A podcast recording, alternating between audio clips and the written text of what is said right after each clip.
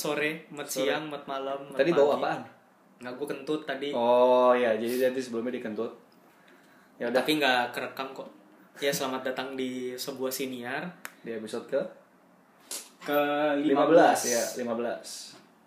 Eh gue lagi flu, Ya, lagi gantian. batuk, Gantian. gantian gara-gara ketularan Ya, somai lagi- beku iya, kemarin. lu somai dia. Somai punya gue dimakan. Ya udah. Terus Eh gue udah sehat, jadinya ya udah suara gue udah balik lagi gak kayak Batman. ya ya asal gang gas lagi ya kan. Eh, Oke. Terus update udah 540 sekian Iya. pendengar. Terima Hmm, kasih buat terima yang kasih. dengar. Tapi tetap gak ada giveaway karena gara gak ada yang respon. Bukan gak ada belum. Belum ya. Belum mulai giveaway karena Gak ada yang belum respon, respon dong. Kalian tuh respon gitu, jangan cuma denger dengerin doang. Lu gitu. jangan bilang enggak lah, belum. gitu. belum ada gitu. Iya. Semoga nanti ada yang Iya, respon. Respon dong. 10 ingat ya, secara tuh 10 orang yang respon gitu aja. Tadi ada sih Siapa? eh, salah satu pendengar setia Sonora anjay. Sonora. Sonora. Salah satu pendengar setia Sonora. Hmm?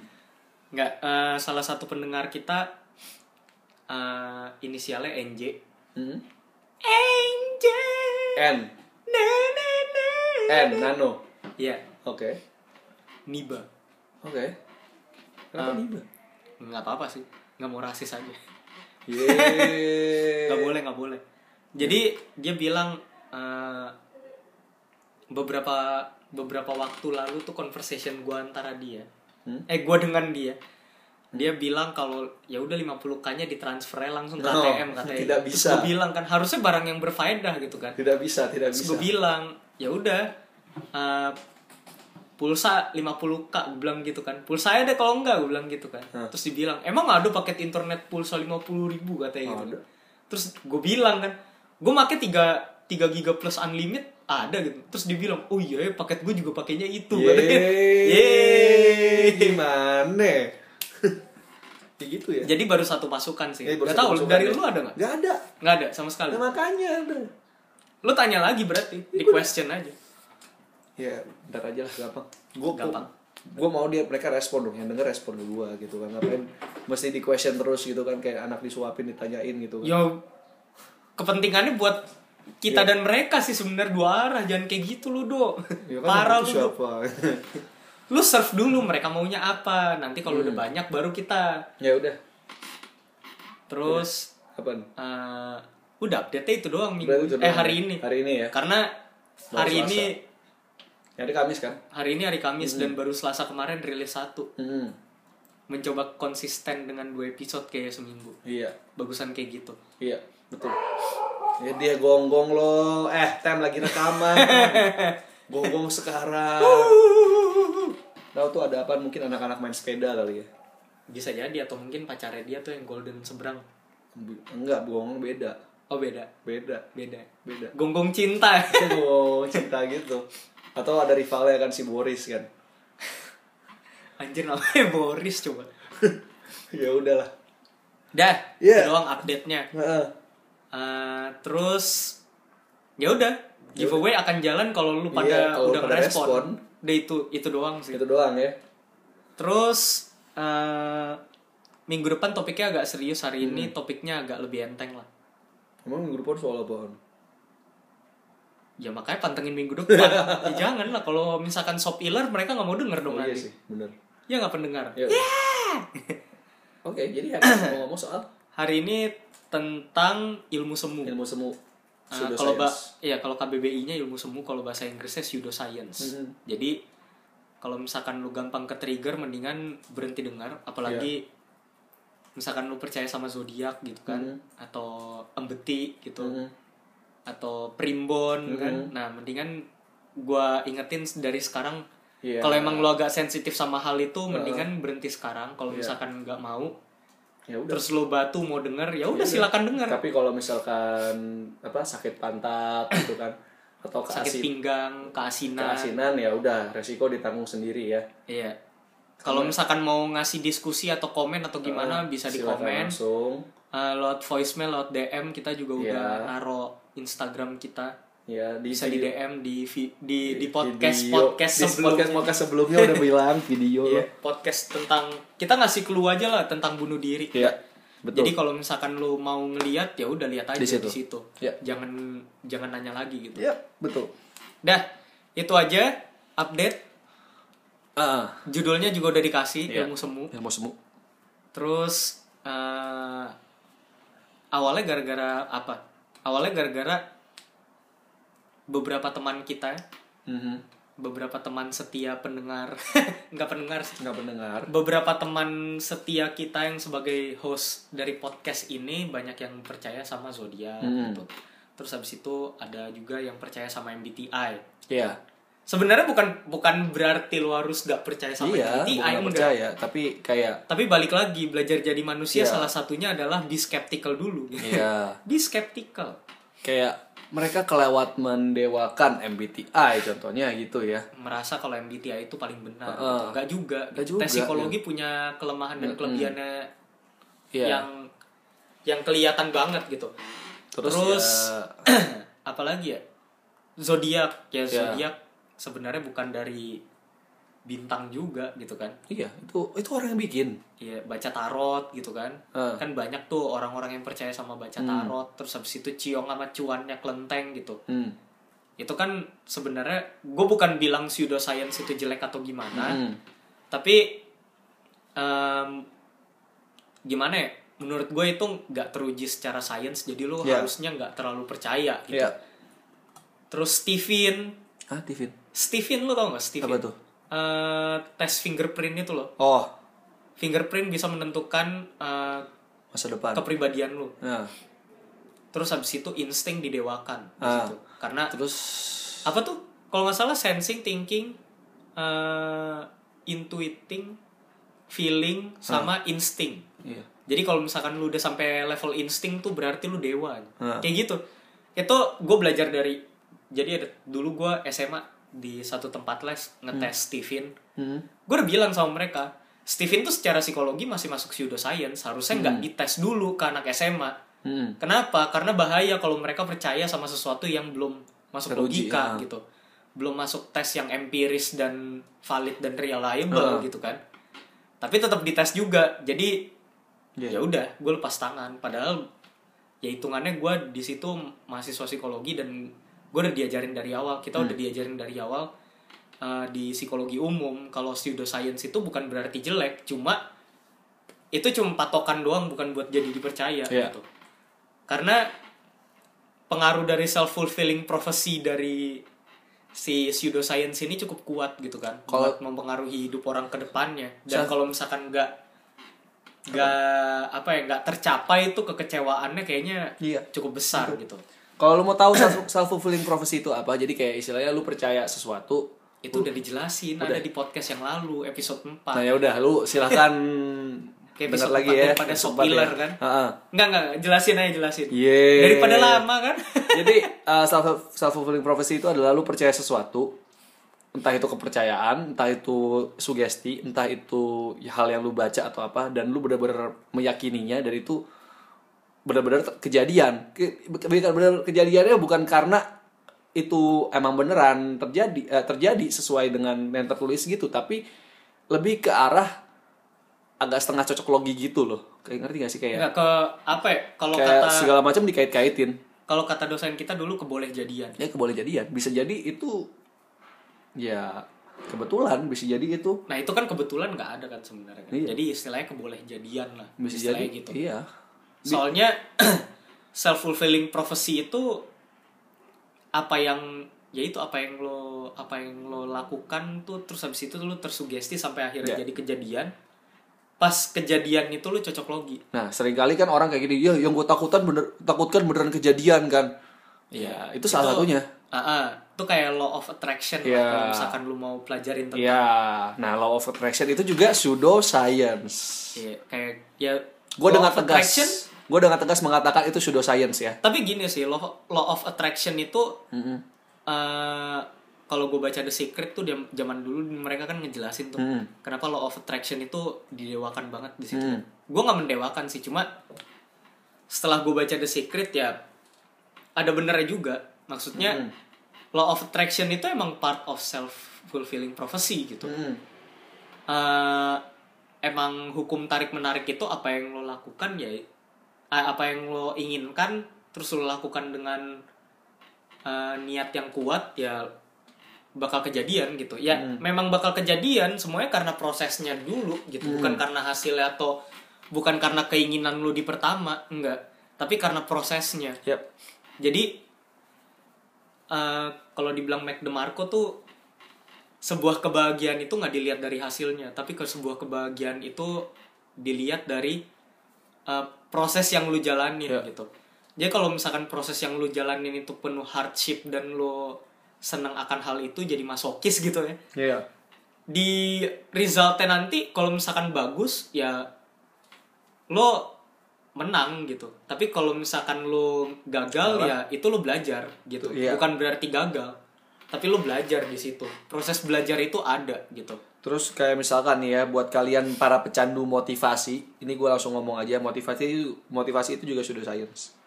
Percayalah meskipun ngomong ya tapi buktinya dia bisa. Misalkan lu datang ke acara seminar bisnis atau apa, ya, ya iyalah dia karena dia berhasil dipakai dia ada di situ. Ngerti kan maksudnya? Kalau yang gagal nggak akan ditampilin. Sama aja kayak di TV-TV gitu kan. Emang ada gitu mau mewawancarai pesepak bola yang gagal Iya. ya kan nggak ada sama kayak Instagram lu gitu emang lu mau posting ke- ke- kegagalan lu di Instagram gua gua jatuh hari ini gitu kan lu, lu selfie sambil lagi jatuh gitu kan gua ketabrak mobil tangan gua hilang satu nah, selfie kayak gitu ya kecuali kalau lu ya punya preferensi lain gitu ya nah, itu jadi kayak motivasi itu juga sudah science ya Tapi ya kalau menurut gue sih motivasi nggak buat semua orang memang. Bukan berarti semua orang. pseudoscience sih, cuma nggak nggak buat semua orang. Buat dia iya berhasil, buat lu kan belum tentu. Iya. Dan itu yang bikin jadi sudah science maksud gua di situ Ah iya, dan gue pernah ngeliat uh, satu tweet sih, dibilang sebenarnya tuh bullshit banget ketika orang eh ketika motivator bilang uh, keluar dari zona nyaman. Ya Hmm. buktinya mereka tetap memotivasi orang doang, nggak mau keluar dari zona nyamannya Hmm. mereka. Ya iyalah motivasi dapat duit banyak gitu kan. Iya.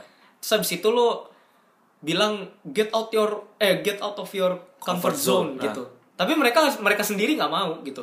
ya Kenapa? Karena mereka udah nyaman, duitnya banyak, motivasi Iya. orang gitu kan. Coba mereka mundur terus habis itu ngebuktiin kalau mereka keluar dari zona nyamannya mereka gitu.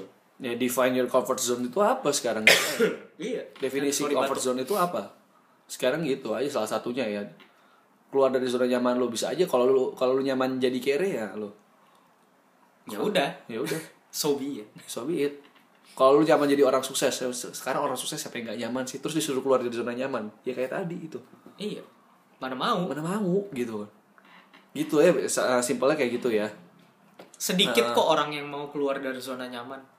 iya Ya ketidaknyamanan lo itu menimbulkan kenyamanan di kemudian hari. Iya. Ya kenyamanan lo di kedu- di kemudian hari itu kan goal lo. iya misal lu udah pacaran nyaman gitu terus suruh keluar dari zona nyaman cari pacar baru ya mikir aja Iya, kayak misalkan gue udah nyaman nih sama si A nih gitu. Iya. Udah lah gue putus aja gitu. lu pikir aja Iya. Main Luar logic, biasa, anjir. logic, logic. lu lu mikir aja gitu kan Cuma Ah. ada cuma ada satu alasan sih. Kalau misalkan kamu terlalu baik untuk aku itu. salah satu alasan keluar dari zona nyaman anjir. bisa Karena terlalu baik dia terbuai gitu. bisa bisa itu hebat. ya, luar biasa sih itu ya dah jadi ngomongin sih itu ya Terus ngomongin apa, apalagi ya? Gue punya salah satu kerabat yang percaya banget sama tarot. Mm-mm. Terus habis itu kayak dijelasin lah sampai lu ketemu di jam segini bla bla bla terus habis itu orangnya kayak gini gitu. Terus habis itu lu jadi self fulfilling prophecy balik lagi kayak tadi gitu kan. Beneran beneran ketemu memang di satu tempat. Orangnya kayak gitu. Hmm. Gak persis sih. Cuma penjelasannya ada gitu kan. Mm-mm. Nah, itu menurut gue juga salah satu kebolehjadian dari pseudoscience. Mm. Balik lagi, gue nggak bilang pseudoscience itu jelek. Hmm. Cuma jangan jadiin itu jadi patokan hidup lu. Yap. Be skeptical lah gitu. Belajar jadi manusia itu salah satunya ya itu tadi yang gue bilang be skeptical. Jadi orang yang skeptis itu bagus gitu. Kayak misalkan lu mempertanyakan Tuhan dan agama gitu kan. Hmm. Ya boleh, itu bikin lu jadi pintar sebenarnya. Iya. Tapi bukan berarti lu harus keluar atau gimana dari koridornya enggak juga. gitu. Iya. Kalau misalkan lu punya agama, good, itu hak lu. tapi belajar biar lu bisa mengasihi sesama lebih lagi itu lebih bagus gitu kan itu namanya lu menjadi orang yang skeptis biar lu jadi lebih baik ke depannya gitu Hmm. terus apa lagi ya MBTI sih Nah, yang kita mau bahas, lebih tepatnya kita mau bantai MBTI, MBTI. Kenapa? Karena emang itu toxic sih menurut gue, jujur. Toxic banget di internet soal MBTI. toksiknya tapi dimulai dari manusia-manusianya bukan dari MBTI Iya, bukan sendiri MBTI-nya, tapi banyak manusia yang MBTI lu apa? Ya, misal kayak gue, INTP. Oh, gue I, gue ENFP. berarti kita nggak cocok Berarti kita nggak cocok, kita Udah lah, kita musuhan. usah jadi. Iya, ya, kayak gitu contohnya. Terus kalau enggak eh, apa PDKT gitu ya di dating app dating app nih banyak banget tuh kayak di gue kepribadiannya INFJ. Gue nyarinya pasangan yang ISTJ karena menurut MBTI itu cocok. Eh, kata siapa? Kata siapa itu cocok udah pasti 100% jadi. Kalau misalkan tentu juga. belum tentu juga lu lu pacaran gitu. Taruhlah bener kata MBTI itu bener ya. 100% lu percayai.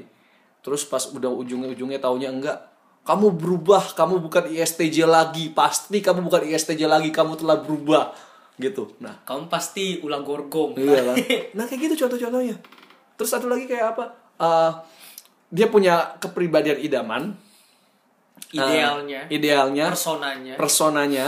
Terus dia pas tes MBTI gak dapet hasilnya itu, dia tes terus sampai dapet. Biar bisa apa? Biar dipajang di Instagram. Ya itu balik lagi ke episode-episode sebelumnya ya bodoh itu menura, menular terus apa? menural Menural ya. kan? Terus apa yang delusi sosial media ya kan? nah itu Nah itu tuh contoh-contohnya tuh orang-orang kayak gitu. Nah sekarang kita bahas soal MBTI-nya gitu. Jadi MBTI itu apa? Sekarang langsung masuk aja. Myers-Briggs type of indicator jadi dia sebenarnya ngetes kepribadian orang Ya. berdasarkan Teorinya Carl Jung. Teorinya Carl Jung katanya Katanya. tapi Jung sendiri juga nggak setuju Iya Jung sendiri ngomong ya ini ini maksudnya teorinya teorinya itu gampang banget dibantah kan Iya. Jung emang masih hidup Iya. kagak kan Carl Jung sendiri juga itu bukan itu bukan core teorinya Jung loh. tapi itu emang teori teori kecilnya Teori kecilnya dia. sub, sub teorinya dia Sub teori dia tapi bukan core teori Jung. Kalau kalau teori core-nya Carl Jung wah itu kaya banget sih. Lu ngomong archetype, mandala, persona, shadow dan segala macamnya itu itu teori core-nya. Tapi kalau kita ngomong soal MBTI dan kalau di Carl Jung dibilang apa? Coba coba dilihat. apa Eh, atas atas. Eh, bentar ya, lihat dulu. Gue juga agak-agak lupa. Karena iyalah, gua meskipun gua anak psikologi, kok anak psikologi lupa sih ya. Tetap aja gua nggak se seperti itu ya. Perlu nge-recall juga ya. Apa tuh? mana Iya, jadi kayak misal kalian kan bilang soal introvert sama extrovert gitu kan. ya Tapi bukan berarti Carl Jung bilang oh, orang tuh cuma ada extrovert tok, and, uh, introvert tok. Enggak. nah Carl Jung tuh masih ngomong ada percampuran di antara keduanya. Ini introvert sama extrovert. Jadi gini gitu sih. Eh, kalau lebih gampangnya kan si Carl Jung tuh lebih ke model biner kan Iya. biner tuh ya kayak Kutub jenis kelamin misalkan cowok cewek gitu Heeh. kan Kutub- nah biner tuh selatan nah gitu. iya utara selatan Heeh. gitu Eh, barat timur gitu Iya. nah eh, si Jung memang ngebagi dua gitu dia antara introvert sama extrovert extrovert extrovert gitu kan Hmm. Eh, tapi dia juga bilang nggak ada yang murni Ya. gitu nggak ada yang introvert murni nggak ada yang extrovert murni Mm. jadi biasanya kebanyakan orang kalau dari kurva kurva normalnya itu ya lu di tengah-tengah Iya. bisa jadi introvert bisa jadi extrovert Hmm. jadi kalau misalkan ya orang yang MBTI ngerasa kalau dirinya yo gue ambivert ya bullshit ambivert There's semua orang no such thing. ambivert gitu Ya sebenarnya ambivert itu nggak ada. Karena semua orang itu ambivert. Ngerti gak sih? iya Nangkep nggak? when when everyone is special nothing is special Iya. eh no one is special bilang gitu jadi eh ambivert itu adalah satu konsep di mana lu bisa berubah-ubah sebenarnya bukan bisa berubah-ubah tapi emang sesuai mood dan kondisi psikologis lu kayak mana Dan kondisi lingkungan lu. kondisi eh, kondisi lingkungan dan juga kondisi fisik lu gimana Ya. misalkan lu lagi sakit sama sehat kan beda kan Hmm. itu menentukan lu lebih cerewet apa Ya. enggak tuh gampangnya Ya. bless you Eh, menentukan lo eh, lebih terbuka atau enggak gitu. Menentukan lo lebih cerewet apa enggak? Hmm. itu kan yang paling gampang kan dari si dari introvert extrovert sebenarnya gampangnya itu kan. Iya. maksudnya eh, in a nutshell orang ngertinya itu doang Iya. gitu kan. Padahal sebenarnya lebih dalam lebih lagi. dalam lagi. Lu bisa cerewet tapi lu nggak nggak mau nyebarin rahasia Iya. lu gitu. Bisa aja kan orang berisik kelihatannya bawel tapi dia nggak pernah ngomongin soal dirinya. Iya. Dia nggak pernah- pernah ngomongin soal inner worldnya. Iya. Apakah itu dia extrovert enggak juga Enggak juga apakah dia itu berarti dia introvert mungkin, Mungkin bisa introvert. jadi gitu Nah seperti itu contohnya. Jadi jadi ini ya sekali lagi ini uh, yang gue mau benerin paham pertama adalah introvert bukan berarti dia tertutup. extrovert bukan berarti, dia terbuka Ada ada istilahnya sesuatu yang disebut dengan openness. Kalau lu ngomong ini kan kita ngomongin MBTI. Kalau lu ngomongin tes psikologi lain, uh, personality trait, Ocean itu tuh yang lebih kompleks daripada MBTI. Jadi kalau misalnya lu ngomong MBTI kok tesnya banyak banget, soalnya banyak banget. Nah, Ocean itu lu cobain 300 sekian soal. Nah, tuh. itu sama kayak apa neo neo PIR ya Itu Neo PIR. Iya kan? Iya. tiga ratusan Ada trait namanya openness. openness to experience. Itu Openness itu keterbukaan. gak cuma ngomong lu buka rahasia lu, tapi jangan lu terbuka dengan ide-ide baru, terbuka dengan paham-paham baru, terbuka dengan pengalaman baru, itu termasuk di openness. Jadi gak Pokoknya cuman terbuka dengan apa pun yang baru lah Iya, bukan cuma dia soal buka diri gitu. Ngerti kan? Ngerti ngerti? Ya udah. terus Anggap ngerti ya. eh Kalau nggak ngerti tanya. Ya. Iya Terus- Pak Guru galak banget sih lu. Iya, maaf. terus dibilang kan ada yang eh, si Jung emang ngejelasin Ya. tentang perceivers, judges, bla bla bla gitu kan. Dan si Jung tuh bilang, bukan bilang sih di sini wrote, jadi Hmm. nulis. Dia nulis uh, every individual is an exception to the rule. Jadi Iya. setiap individual itu adalah uh, yang eh seseorang eh sesuatu yang keluar dari normanya gitu. Ya. Nah, eh iya sih Jung bilang kalau itu tuh biner banget dua doang, Hmm. dua doang. Jadi kalau misalkan di MBTI kan ada I sama E, Hmm. introvert sama extrovert, terus eh, intuitif sama sensing, Hmm. thinking sama feeling, Hmm. terus judging sama perceiving kan. Hmm. Nah, si empat pasang itu bisa dihubungin sampai jadi 16 kan. Hmm. Nah, di saat mereka jadi 16 itu kan yang disebut cuma satu kan kayak Iya. misalkan kayak gua nih, gua sama kayak Aldo INTP kan. Hmm. Introvert, intuitif, uh, Thinking. thinking, perceiving Iya. kan. Tapi belum tentu tuh gua INTP murni. Iya. Lu kalau ngelihat dari 93 soal yang disajikan, berapa persen lu Iya. uh, jatuh di satu tempat gitu kan. Kayak contohnya nih ya, waktu 2013 gua pertama kali tes ini gua tuh 2011 sorry, INTP. 2013 gua T sama F-nya tipis bedanya. Gue sempat jadi INFP. Terus pas 2015 2016 skri- skripsian, gue jadi INTJ. Apa yang menyebabkan Nah. itu gitu. Lu mau bilang gua berkepribadian ganda gitu, lu mau bilang gua kepribadian yang berubah-ubah. Ya karena orang pada dasarnya kepribadian bisa berubah-ubah tergantung kondisi. balik lagi kayak tadi yang gue bilang kondisi mental kondisi Ya. fisik kondisi lingkungan itu mempengaruhi eh, kepribadian lu Ya. gitu Tapi ini gua ngomong soal tipe kepribadian ya, tipe kepribadian MBTI, bukan kepribadian persona secara whole, bukan gua ngomong secara mandala kalau dalam istilahnya Jung. nah Nah, kalau nggak ngerti ya udah nggak apa-apa skip aja maksudnya. gak apa-apa googling aja Ya Kalau silakan cari mau mandala tuh apa. Iya, Mandala Theory of Jung tuh Ya. bisa. Jungnya J U N G bukan Y U N G. Iya. Carl Gustav Jung. Nah. Jadi lo bisa belajar di situ.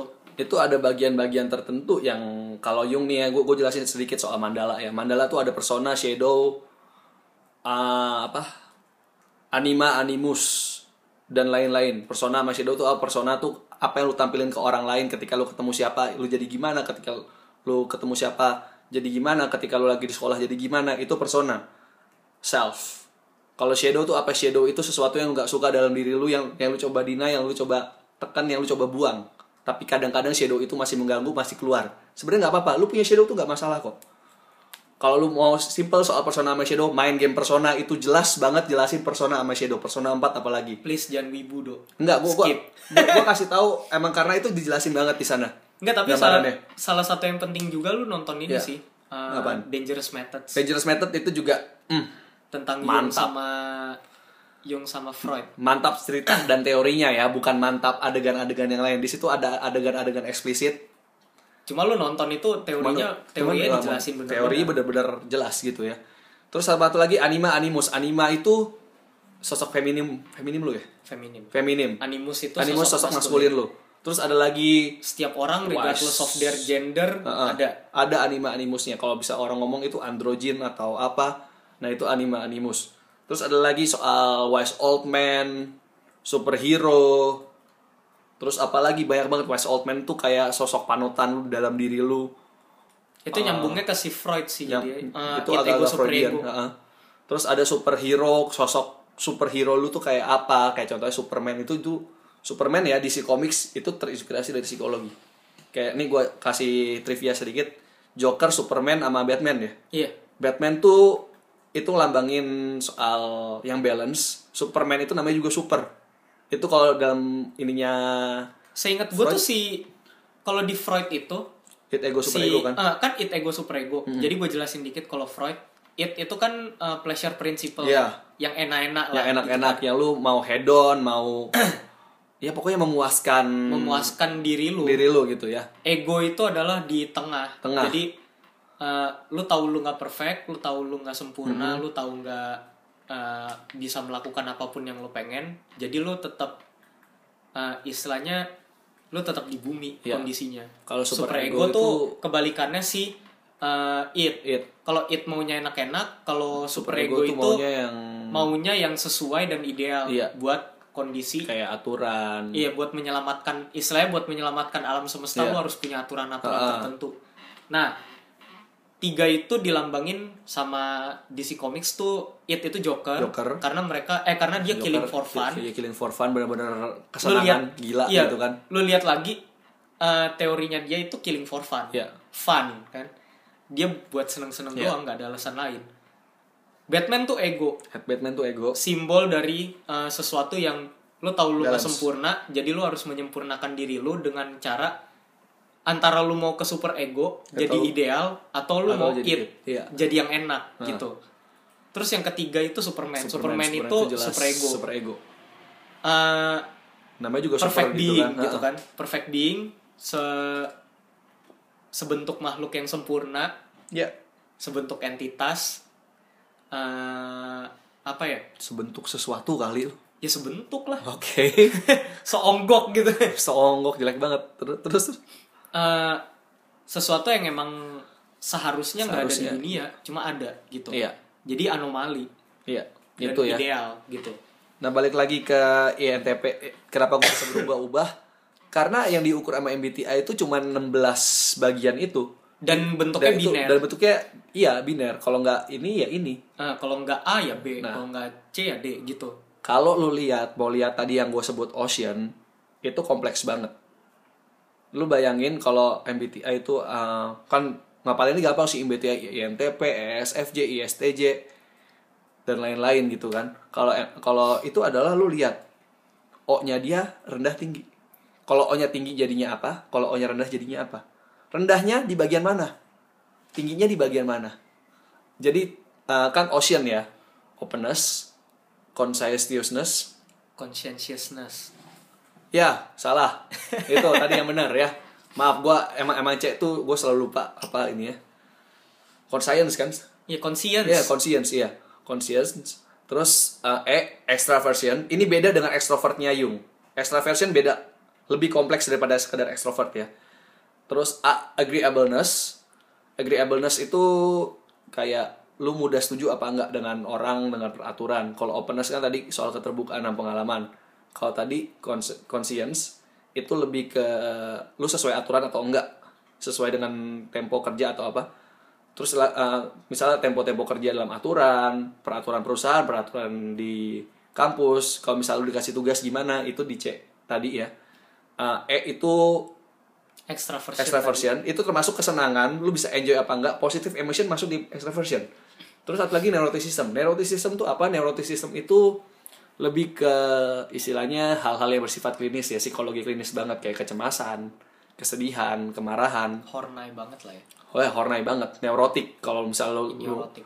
lu mau cari Karen Horney, nulisnya H O R N E N-E-Y. Y, bukan E, ada E-nya ya. ada E-nya Ada E-nya. N sama Y. Iya, ada E-nya. Jadi bacanya Hornai, bukan Horn. Nih. Nah, ya udah. Terus ya itu kompleks. Lu liatnya nggak sesimpel MBTI? Itu ya. Jadi kayak misalkan MBTI, oh dia INTP ya udah berarti dia orang logika banget. Dia berarti orangnya pemalas tapi mau tahu gitu kan. Dia INTP kan terkenal begitu ya. Dia uh, STJ. Dia berarti logika banget sama orangnya detail tuh biasa orang STJ gitu kan. Itu jadi mirip sama Ya, zodiak. Jadi kayak zodiak. Orang Gemini tuh kayak mana gitu. Nah, orang Scorpio tuh biasa penendam gitu kan. Iya. Orang Taurus biasanya pemilih, picky gitu. gue percaya zodiak cuma kalau senseiya doang, sisanya mah kagak. Sensei ya. Serius. Oke, gua gua gua, Keren deh. gua, gua zodiak tuh Final Fantasy taktik sih. Oh, Kalau lu mau dapat yang Fate kan kalau main Final Fantasy taktik kan ada Brave sama Fate. Brave itu ya tuh yang nambah physical attack, Fate itu yang nambah magic attack. Kalau kalau nggak salah ya. Kalau lu mau dapetnya kalau lu mau dapet orangnya dia mau jadi knight, mau jadi samurai, jobnya itu ini Final Fantasy taktik PS1, attack-nya sakit, perih, tebel, yang melee-melee gitu, ya lu berarti zodiaknya kalau nggak salah harus Leo gitu. Kalau nggak salah ya.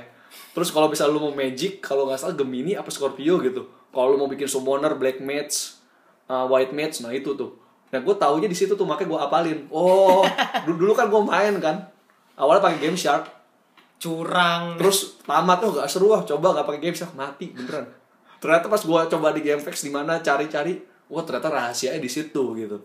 Nah kayak gitu tuh contohnya ya. Ah, jadi MBTI jadi agak mirip kayak zodiak karena kelewat ngejudgment. Oh kan gue orangnya ente. ngejudge. Iya, ngejudge kok ngejudgment. Jadi Soalnya ya itu ngejudge. modelnya biner. Iya. Gue kan orang ente, berarti gue harus kerja di sini. Karena gue gak cocok kerja di situ. Gitu, Iya. Gue kan orangnya F feeling banget, berarti gue gak, gak, gua nggak mau matematika. Ya. Terus habis itu lu perasa banget gitu. Iya. Aku tuh gak bisa diginiin ya. Lebih sentimental. Iya. Anjay. Seperti itu. Sebenarnya MBTI tujuannya bagus. Mendeskripsikan kayak gitu supaya lu bisa lebih kenal orang. Tapi pada penerapannya jadi kayak pseudoscience. Iya. Bahkan si di sini nih kita baca dari artikel Iya. Fox. Ha-ha. Eh, bukan bukan FOX pakai V. pakai V judulnya eh, apa Myers Briggs Eh, personality why Myers Briggs type of personal eh personality test meaningless. iya Nanti kita kasih linknya aja Hmm. kalau enggak pakai bitly. Heeh. bit.ly bukan bit bitly. Bitly kok lah sih bohong dong lah Soalnya bit.ly kan. iya sih L LY. ya dari baca L Jadi tuh eh, bahkan si perusahaan tempatnya si Myers dan si Briggs ini bekerja Mm-mm. itu nggak pakai tesnya mereka. Iya bayangin Kenapa? Karena nggak menunjukkan suatu indikator yang jelas gitu. Hmm. Kayak misalkan lu INTP, wah cocoknya jadi akuntan padahal lulusannya teknik mesin gitu. Kan nggak mungkin kan gitu. Contohnya kayak gitulah. Terus eh, si Myers dan Briggs ini kan ngasih ngasih apa ya? quote unquote jabatan gitu kan Yep. buat tiap personality gitu kan. Kayak misalkan INTP itu apa sih? Developer Nah, INTP misalkan dev- the developer gitu. oh jadi harus harus jadi app developer dong padahal Ya enggak juga, bukan itu padahal maksudnya. nggak sekolah IT gitu Enggak, cuma maksudnya si developer ini tipe kepribadiannya kayak gini-gini gini. Soalnya mirip sama developer pada umumnya Iya. gitu. Terus ada eksekutif, caregiver, scientist, ya, idealist. contoh-contoh gitu-gitu begitu kan. tuh biasa Ya. NF tuh caregiver tuh nurturer gitu ya Terus eh ya itu nih si perusahaan yang ngambil tes ini namanya CPP CPP tahun 75. Jadi si Myers Briggs ini eh, itu pembuatnya yang buat Ha-ha. terus dibeli sama di CPP. take over lah di take over sama perusahaan yang namanya CPP Nah, dan CPP ya ya nah si CPP ini bahkan nggak pakai lagi Iya. gitu Dan lagi satu lagi nih, gue kasih tahu nih ya. Uh, Meyer Briggs itu uh, coba cari aja Catherine Briggs ya, Iya. sama Isabel Briggs Myers. Briggs Myers karena itu pakai maternal system name ya, jadi nama ma- nama mamanya ada. Mereka nggak, bu, mereka bukan lulusan psikologi dan mereka nggak punya apa istilah license kalau di bahasa sekarangnya ya iya untuk develop develop tes tapi bisa tapi ini sebenarnya bukan tes psikologi juga sih ya Iya. ya tes kepribadian aja Iya. cuma emang nempelnya ke psikologi Iya. karena ya ini adalah salah satu yang aneh jam- zaman dulu juga kan nggak ada psikolog kan Iya. maksudnya tesnya Freud dan Rorschach dan segala macam Iya. itu kan bukan dia bukan psikolog sebenarnya tapi psikiater dokter uh, ahli jiwa Iya. atau bahkan bukan bukan kedua-duanya gitu Iya. cuma ini zamannya ceritanya udah modern ya seingat gue Myers Briggs itu modern Iya. tahun 40-an tahun 50-an uh, psikologi udah mulai berkembang gitu Iya. dan kayaknya udah ada sertifikasi buat psikologi juga buat Iya. bikin tes kayak gini tuh harus psikolog kayaknya gitu tapi mereka mungkin belajar atau gimana gue nggak tahu dan mereka bikin sendiri gitu Iya. terus eh, ya ini Jung nulis kalau nggak ada orang yang pure extrovert Iya. atau pure introvert Jadi karena dengan kata lain semuanya ambivert. iya semuanya ambivert gitu dan kalau misalkan lo lihat gak cuma ambivert doang tapi antara intuiting dan intuitif dan sensing juga kayak gitu kan bisa di tengah-tengah. Kenapa? Karena lo tuh contoh gampangnya gini deh. Lo misalkan gua nih gua lagi sakit. Gua lagi sakit gua lebih cerewet misalnya. Hmm. si Aldo lagi sakit itu malah lebih kagak cerewet Nah. diem gitu kan. Nah itu kan menandakan kalau sebenarnya kepribadiannya orang tuh berubah-ubah Iya. gitu. Jadi nggak ada tuh namanya peraturan biner kayak gitu kayak misalkan dia eh, kalau gue introvert ya udah gue diem terus gitu kalau ekstrovert gue bacot terus gitu kan Hmm. Nah it- itu tuh nggak bisa gitu. Dulu gue kenal kenal sistem MBTI ini tuh kalau nggak salah tahun 2012 dari om gue. Iya. Nah awalnya gue percaya gitu kan sistem ini tuh kayaknya hebat banget gitu kan bisa bisa apa bisa menentukan dengan cepat gitu kan Iya. menentukan dengan cepat kepribadian lu gimana terus habis itu talk chair pula gitu kan Hmm. Nah, eh makin ke sini tuh makin skeptik dan gue belajar belajar gitu. Akhirnya gue ngeliat kalau MBTI ya bullshit gitu. Hmm. Sorry to say, buat orang-orang yang pernah ngetes itu bullshit. Itu bisa lu keep buat diri lu, tapi nggak buat orang lain. Orang lain nggak peduli. Itu sama kayak eh lu zodiak Gemini, Iya. terus habis itu lu harus diapain buat dideketin kayak gitu-gitu. Kayak misalkan kan ada tuh Iya. cara-cara Cara romance gitu kan iya. cara mendekati orang dengan zodiak ini gitu kan zodiak A misalkan apa ya Scorpio Sagittarius deh. lah Scorpio deh, karena Yaudah, gue Scorpio, gitu kan. misalkan eh, Scorpio jangan bikin dia dendam gitu kan karena dia pendendam Ya, ya semua orang jangan lu bikin dendam. ya iya maksudnya Simple itu aturan banget. umum gitu kan terus kayak apa lagi ya kayak misalkan yang yang paling lucu sih sebenarnya pseudo, pseudoscience masa kini itu Stephen Nah, Itu lucu banget. Itu gue gak tahu sih Steven beneran. jadi tuh Steven itu itu umur Steven. biasanya di tes itu uh, umur 13 sampai 17 Oh. orang-orang yang masih baru mau lulus SD sampai lulus SMA buat nentuin kuliah ke mana Hmm. kan harganya kalau nggak salah 250 ribu apa Oke. tesnya lumayan mahal padahal cuma serepet doang jadi lu disuruh buat uh, nge-scan sidik jari lu. Iya.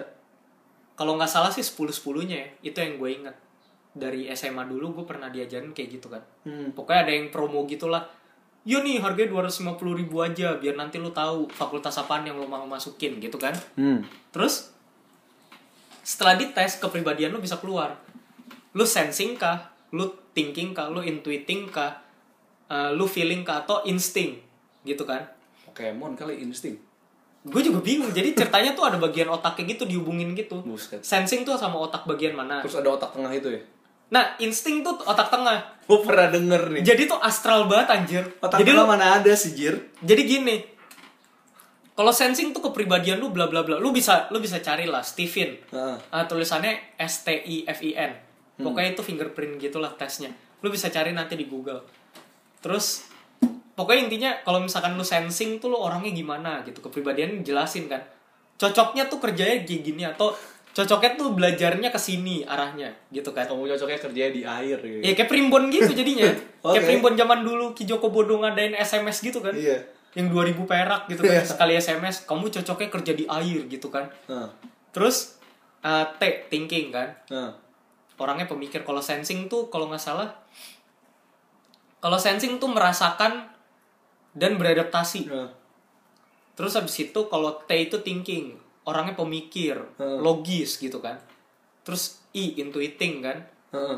intuiting tuh lebih ke uh, orang yang lebih bisa jadi apa adanya bisa jadi diri sendiri gitu kan terus eh feeling orangnya perasa Terus habis itu sangat-sangat bagus dalam seni gitu-gitu kan Hmm. tiba-tiba ada nih orang yang intervensi insting anjir Insting gimana sih? insting tuh gabungan dari keempatnya udah perfect being lah gitu kan Buset. udah kayak Broly kalau di Dragon Ball Iya. ngaku-ngaku dirinya eh, perfect Saiyan gitu kan karena dia sendiri yang rambutnya bisa hijau Gila, gila nggak tuh? jadi tuh insting tuh kayak apa ya tingkatannya udah astral banget lah kalau misalkan lu tahu meme yang otak itu dari otak biasa sampai akhirnya insting tuh Gila. otaknya udah mencuat gitu udah udah jadi belakangnya tuh backgroundnya galaksi gitu.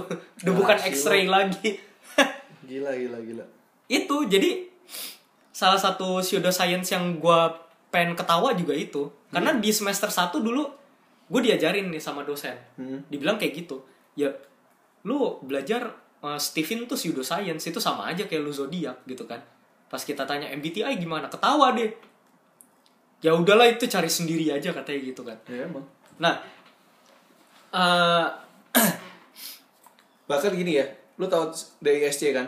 ah, Itu lebih valid daripada MBTI. apa domi- dominance influence gua gua gua apalnya Indonesianya.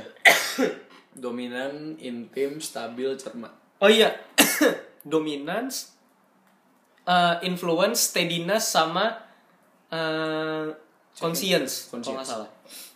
Itu lebih valid daripada MBTI. Makanya kenapa uh, perusahaan-perusahaan lebih banyak pakai DISC daripada MBTI ya karena itu.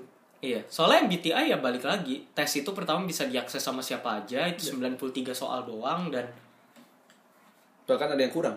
eh, iya bahkan ada yang kurang, bahkan ada yang bikin metodenya 4 doang. Nah, makanya. Dia pakai soal perumpamaan semua gitu. Nah makanya jadi kayak ini gua ngomong sedikit soal psikometri ya. Eh, psikometri itu apa dok? Ya istilahnya gimana cara bikin tes psikologi yang baik. Itu ilmunya nama psikometri. Eh, psikometri itu kan dilihat nge- maksudnya ngukur juga validitas dan reliabilitas. Maksudnya apa? Validitas itu valid gak alat ini mengukur sesuatu yang mau diukur? Kayak contohnya penggaris penggaris mau ngukur botol aqua oh 10 cm pakai penggaris yang lain juga 10 cm berarti emang botol aqua itu 10 cm. 10 cm nah kalau kepribadian contoh MBTI misalkan MBTI kan tesnya juga banyak tuh. Meskipun sama-sama tes MBTI yang tadi yang pakai perumpamaan yang tadi cuma pakai ada 93 soal yang mungkin ntar lu mau bikin 300 soal terserah gitu ya. Atau mungkin yang cuma 50 soal beda-beda. Tapi lihat hasilnya gimana. Dia valid nggak ngukurnya? Misalnya gue dites pakai yang tadi yang perumpamaan INTP pakai yang kedua INTP yang lain INTP emang berarti gue bener INTP tapi kalau hasilnya bisa beda-beda. Oh yang ini ternyata INTJ yang ini IN, ISFJ gitu ya. Yang atau lagi ENFP gitu. Dan yang lain lagi lain lagi gitu kan. Nah itu bisa jadi Gak reliable. gak eh, iya Gak gak valid. valid gak valid gak reliable. Kalau kalau valid itu kan di- dibandingin dengan berbagai alat tes. Kalau reliable itu suruh orangnya ngetes lagi. Misal gua eh, sekarang tes pakai alat tes A. Terus mau dua minggu lagi dites sama nggak?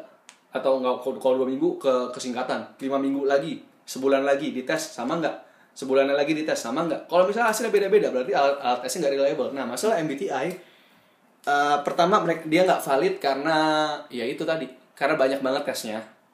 Jadi yang mau lu mau percaya tes yang paling valid MBTI itu mana? Bentuknya Bentuknya beda-beda gitu. Tambah lagi juga tadi aja secara teori teorinya Jung itu Jung itu sekali lagi kalau Jung itu bikinnya teori dan teorinya itu belum diukur dengan hal-hal lain karena waktu itu ya lu tau lah zamannya Jung itu kan belum ada psikometri yang segitu kompleks Ya zamannya Jung bahkan Belum ada masih psikolog. psikologi awal kan. iya Dia kan sama Freud soalnya. dan itu kan perlu empiris perlu apa namanya juga ngukur Iya. perlu ada angkanya Masih gitu. apa tuh dia zamannya psikoanalitik. iya masih sama psikodinamika psikodinamika. iya sama sih psikodinamika psikoanalisa Iya. Se- sebenarnya sama Eh, psikodinamika tuh gedenya psikoanalisa itu ya Freud sama Jung gitu Iya. Adler from itu psikodinamika ya terus eh Ini menurut si menurut percobaannya si Fox, Fox ini eh, dites dites jadi di, dia dites kepribadiannya A B C D gitu Hmm. kan ada berapa orang terus habis itu lima minggu kemudian dipanggil Dites lagi dites lagi 50 persen 50% orang lebih, itu beda 50% 50% lebih. ya 50 persen lebih itu beda orang Nah. eh beda kepribadiannya pas Nah. dites ulang nah itu kan aneh berarti Nah. kan? karena itu nggak stabil gitu Tambah lagi kalau misalkan bisa aja kan kayak tadi gua ngomong yang mempengaruhi orang hasilnya bisa beda salah satunya ya bisa aja orangnya mau panjat sosial kan. terus habis itu nunjukin di sosial media Gua nggak suka ya, kepribadian ini karena gua nggak suka diri gua. Gua harus jadi kepribadian yang lain. Ya udah, tinggal diganti aja. Jawabannya dibeda-bedain padahal bukan dirinya. Iya, kadang kan lu bisa ngapalin kan. Ya. Yaitu eh, itu adalah salah satu teori dalam eksperimen itu sophistication Nah. effect. Jadi lu udah ngambil tes ke satu nih Hmm. pertama, terus habis itu tes yang kedua lu ngambil lagi, lu udah tahu jawabannya, lu udah tahu hasilnya, Iya. ya udah Kayak berubah, lu ini- ubah-ubah sendiri. ini gua ngomong ke salah satu kenalan gua kalau misal lu denger tobat ya please karena please lah eh, gua ngeliat lu tuh kayak agak-agak drama dengan MBTI lu gitu ya contohnya waktu itu kalau nggak salah lu tes hasilnya gua eh, gua lupa apa tapi kalau nggak salah SF atau NF belakangnya eh, eh, di tes MBTI 16 personality webnya ya kan ada kan 16personalities.com belakangnya lu awalnya A. Eh sorry T turbulence. Nah, ini jelasin dulu turbulence. turbulence itu sama apa? Turbulence itu berarti tadi lu sensitif dengan stresor dengan emosi-emosi di sekitar yang bisa bikin lu emosi karena lu emang orangnya perasa. Sebenarnya nggak apa-apa nggak masalah dengan itu nothing wrong with it. Cuman mungkin karena lu takut di- dianggap labil sama orang-orang di sekitar lu kalau nggak salah beberapa hari kemudian itu berganti jadi A. Gue lihat di Instagram lu. Kalau lu dengar ini eh, silahkan lu lu bisa lakukan itu. Lu mau taruh di Instagram di Instastory lu di Facebook lu di blog lu di mana terserah. Tapi diri lu sebenarnya sebenarnya apa? Gitu aja. Nyaman nggak lu jadi kayak gitu? Nyaman nggak lu ngedinai diri sendiri? Kalau A itu asertif. Asertif tuh berarti yang eh, bisa tegas terhadap stresor bisa ter- bisa tegas terhadap hal-hal yang gampang gampang nge-trigger lu gampang gampang kepengaruh lah. nggak nggak gampang kepengaruh sama gampang emosi. sekitarnya gitu. itu asertif. Sebenarnya nggak masalah asertif juga ada plus minusnya turbulence ada plus minusnya. Just accept who you are lah gitu ya. Sekali lagi contoh kayak begitu tuh tadi apa namanya? Sophis Sophistication, effect. sophistication effect. nah kayak gitu tuh contohnya itu banyak banget terjadi.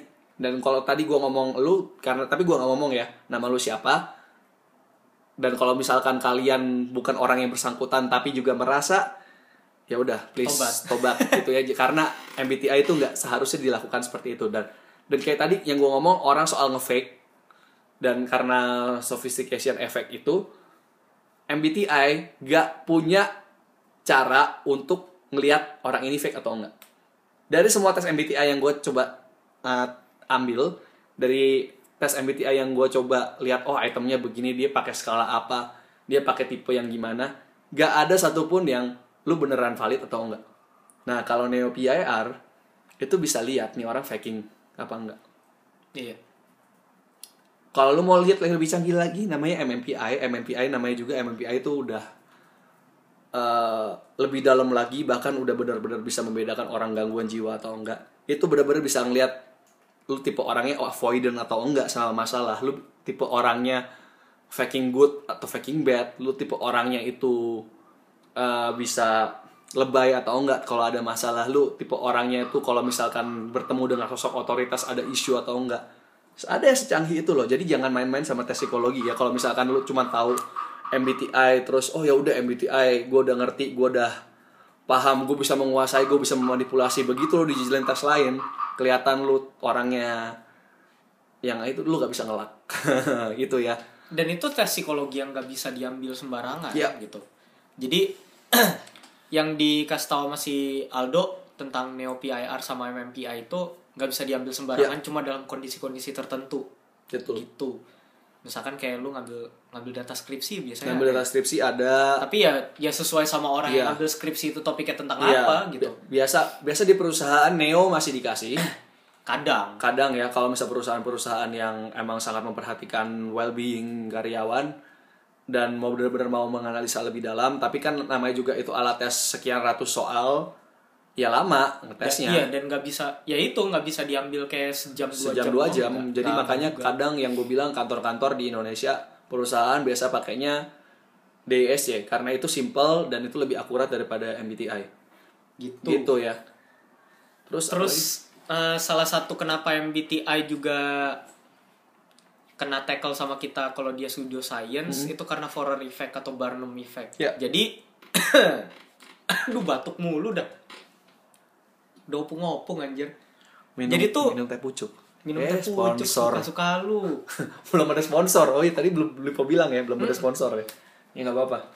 Kalau mau disponsori oleh boleh. Ya Eh, jadi tuh ada Barnum effect atau eh, tadi Forer effect. Jadi Forer effect itu adalah eh, sesuatu Heeh. yang menjelaskan tipe tipe tertentu dengan bahasa yang lebih enak. Jadi dengan bahasa yang lebih enak itu lu dicocokkan. hmm. Jadi pada saat lu dicocokkan itu lu ngerasa kalau itu lu banget. Contoh lah ya. Yang paling gampang misalkan zodiak lu apa? ya? Ya, eh, Scorpio. Scorpio. misalkan. Positifnya apa? Pernah baca gak lu? gue lupa sih kadang soalnya gini gue kalau baca zodiak ya gue baca semuanya Iya, kalau misalkan di majalah gadis gitu kan, majalah kawanku, gitu. majalah bobo majalah bu Nggak ada. Bu emang ada, anjir kagak ada. Anjir masih masih umur 6 tahun udah diajarin zodiak anjay. Ya kali. bobo mah ada puisi sama gambar Kagak, Bobo ada zodiak, sensei ya. oh iya sensei iya iya itu ya Enggak, jadi gue baca semua jadi tuh misalkan kayak apa ya kayak di zodiak tuh misalkan Gemini anda adalah seseorang yang eh, baik rajin menabung. Misalkan gitu. Gue kan gak, kagak tahu ya gue jarang banget baca kan. Iya. Bodoh amat juga gitu. Nah lu tuh ngerasa oh iya gue kayak gini emang. Gue memang rajin menabung. Nah itu foreign effect atau Barnum effect. Jadi dikasih biar lu tuh seneng gitu. Emang. jadi lu tersugesti dengan itu. Jadi berasanya cocok doang. Emang. Tapi belum tentu itu benar atau ja- ya itu dibuat-buat orang gitu. Ini sama satu lagi ya buat kalian kalau misal kalian dengar misalkan ada mungkin perusahaan-perusahaan job portal job portal yang ya gue nggak tahu sih emang job portal kan tukang nge-scout ya. Misalnya nge-scout gue atau nge-scout Kevin terus lihat buka secara gak langsung buka sebuah siniar dan kalian sering mengepost di Instagram kalian atau di page kalian uh, tips bekerja untuk Scorpio tips bekerja untuk Leo hari ini minggu ini bulan ini atau semacamnya ya kalian menggunakan hal ini kan? Ngaku aja. Iya. Karena coba aja gini aja simpelnya ya. Kalau misalnya lu nggak percaya baca aja uh, 12 12 ya pasti ada 4 atau 5 yang pas buat lu. Terlepas CEO apa gitu. zodiak lu. CEO juga gitu kan. Iya. CEO kan pseudoscience tapi bukan berarti jelek. Ya gue ingetin sekali lagi bukan berarti bukan jelek. berarti jelek. cuma itu jangan dijadiin patokan karena itu tujuannya Murni, untuk, gitu. itu tujuan untuk memotivasi lu. Iya. Dan dan ini dibilang sih eh, kalau misalkan lu kalau misalkan lu lihat kalau misalkan lu lihat dari 16 personalities hmm. di sini ada kok di Fox lengkap kok ada penjabarannya Iya. gitu tipe indikatornya apaan ada posternya Hmm. itu dijelasin sama dia gak ada tuh orang yang eh gak ada dari tipe kepribadian itu satupun yang eh, ngasih tahu kalau lu males Iya. kejam terus habis Nggak itu eh, egois gitu nggak ada semuanya semuanya dibuat biar bikin lu terbuai dengan ya eh, kepribadian yang ada. Kenapa ya? Biar lu seneng. Ya biar lu seneng dan tersugesti. Balik lagi for Barnum effect ya lu dikasih sesuai eh, dengan apa yang lo pengen gitu. Iya. karena ya balik lagi sifat primordial manusia. Orang pengen dengar apa yang pengen apa Iya. yang me- mereka pengen dengar gitu That's kan. it. gitu. Ya itu dia Nah, kan samanya satu lagi kayak yang gue bilang tadi uh, ya ini, INTP ini dijelasin nih bentar dulu dijelasin this isn't a test designed to accurately categorize people but rather a test designed to make them feel happy after taking Yeah. it jadi kalau diartiin ke Indonesia buat orang-orang yang bahasa Inggrisnya kurang baik Hmm. dibilang tes ini tuh bukan didesain secara akurat buat mengkategorisasi orang tapi didesain buat uh, bikin mereka seneng habis Ya. dia habis ngambil tes ini gitu. Jadi uh, itu kenapa psikolog psikolog psikolog di dunia banyak yang nggak suka sama tes psikologi ini? Kenapa? Karena lu dibikin seneng doang digoda-godai doang dengan apa yang pengen lu denger doang gitu. Jadi eh lu tuh harusnya nggak nggak mengacu sama ini nggak mengacu sama zodiak nggak mengacu sama sio gitu kan. Kayak ini tuh dibuat biar lu ngerasa seneng habis lu ngambil atau ngabis habis lu mencocokkan. Ya bukan buat secara akurat mengkategoris men- mengkategorisasi lu. Dan balik lagi sifat primordial manusia Ya. orang pengen dengar apa yang mereka pengen dengar dan ada satu lagi orang suka mengkotak-kotakan manusia lain gitu. Ya makanya itu kenapa orang tuh suka ngejudge Iya. karena mereka suka mengkotak-kotakan orang lain dan bahkan kalau misalkan lu bilang gue nggak masuk dalam peer tertentu nih gitu kan terus habis itu lu bilang kalau lu peerless gitu kan Hmm. Ya, Laki, peer- laki fearless. nah kayak gitu misalkan kayak iklan minuman energi gitu kan itu fearless anjay itu istilahnya itu istilah kampus dulu Hmm. uh, peerless. Jadi kalau lu misalkan peerless pun lu udah mengkotakkan diri lu di dalam peerless itu gitu. Hmm. Peer lu peerless, udah akuin aja. Lu nggak bisa tuh bilang, enggak gue nggak punya peer ya, nggak punya peer itu peer lu. Udah kan kelar, Iya. gitu. Nih kayak contohnya ya tadi gue mau ngomong soal em, ya itu bukan untuk ngetes orang kepribadiannya apa, cuman untuk menyenangkan eh, menyenangkan hati orang, menyenangkan yang baca aja. Ya karena ya sama kayak zodiak, zodiak tuh bukan ngedefine lu sebenarnya siapa, tapi untuk yang baca aja seneng, yang baca termotivasi supaya kerja. Kayak contohnya ya portal-portal kerja ya, kan kalian mempost itu tujuannya supaya mereka yang zodiaknya itu seneng kan kerjanya kan. Semangat lagi kan kerjanya kan. termotivasi. Lebih termotivasi lagi kan. Iya tujuannya kan seperti itu. Jadi gue inget satu pelatih namanya Raymond Domenech. Ini pelatih Prancis tahun 2004 sampai 2006.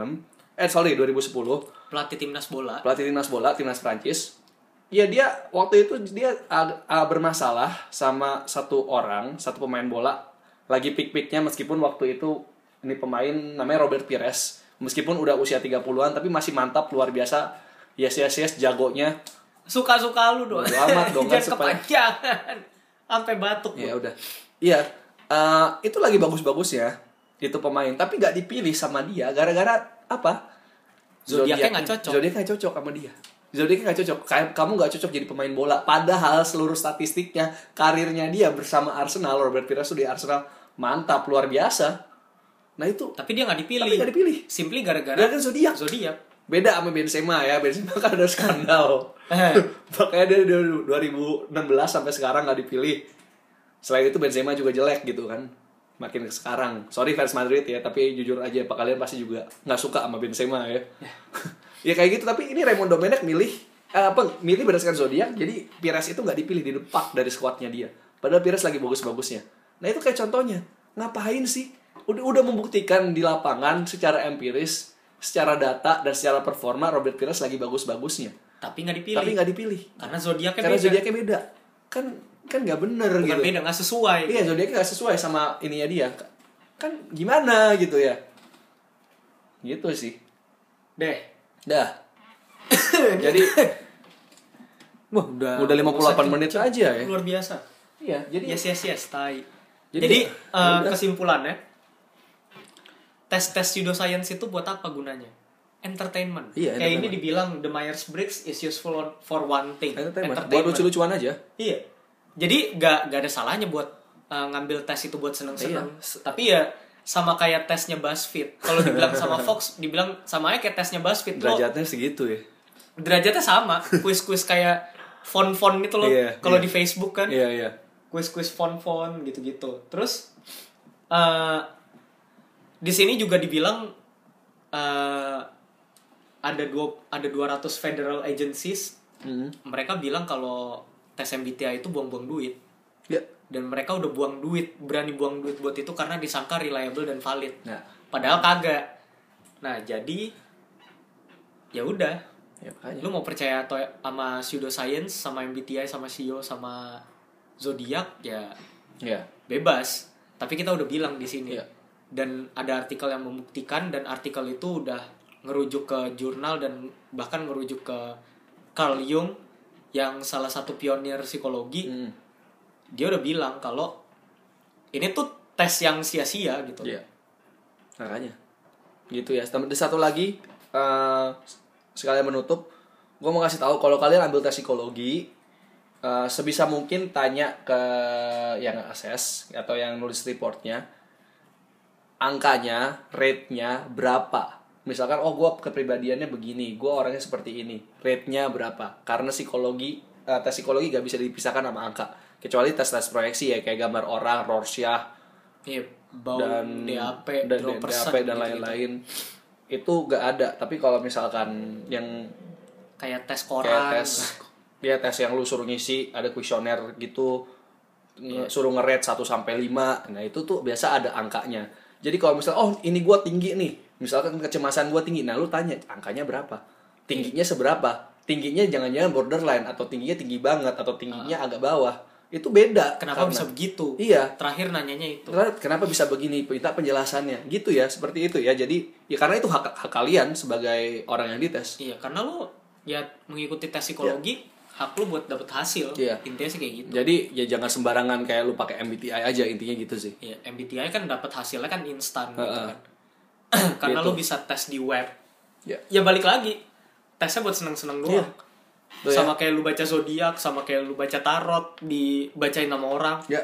Sama kayak lu sio ya. cuan nama ciong yang di kelenteng gitu Iya. kan. Beberapa orang percaya iya pseudoscience bukan berarti itu jadi acuan. Iya. dan bukan berarti itu jelek gue Iya. ingetin sekali lagi.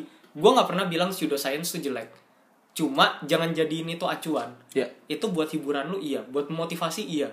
Tapi bukan berarti itu lu pakai buat jadi acuan dan moto hidup iya anjay. betul itu aja. Ya gitu aja. Eh, sekian dari kami anjay. Ya dan sampai jumpa di podcast belajar jadi manusia. Sampai jumpa di di podcast selanjutnya. podcast selanjutnya. Bye. Ciao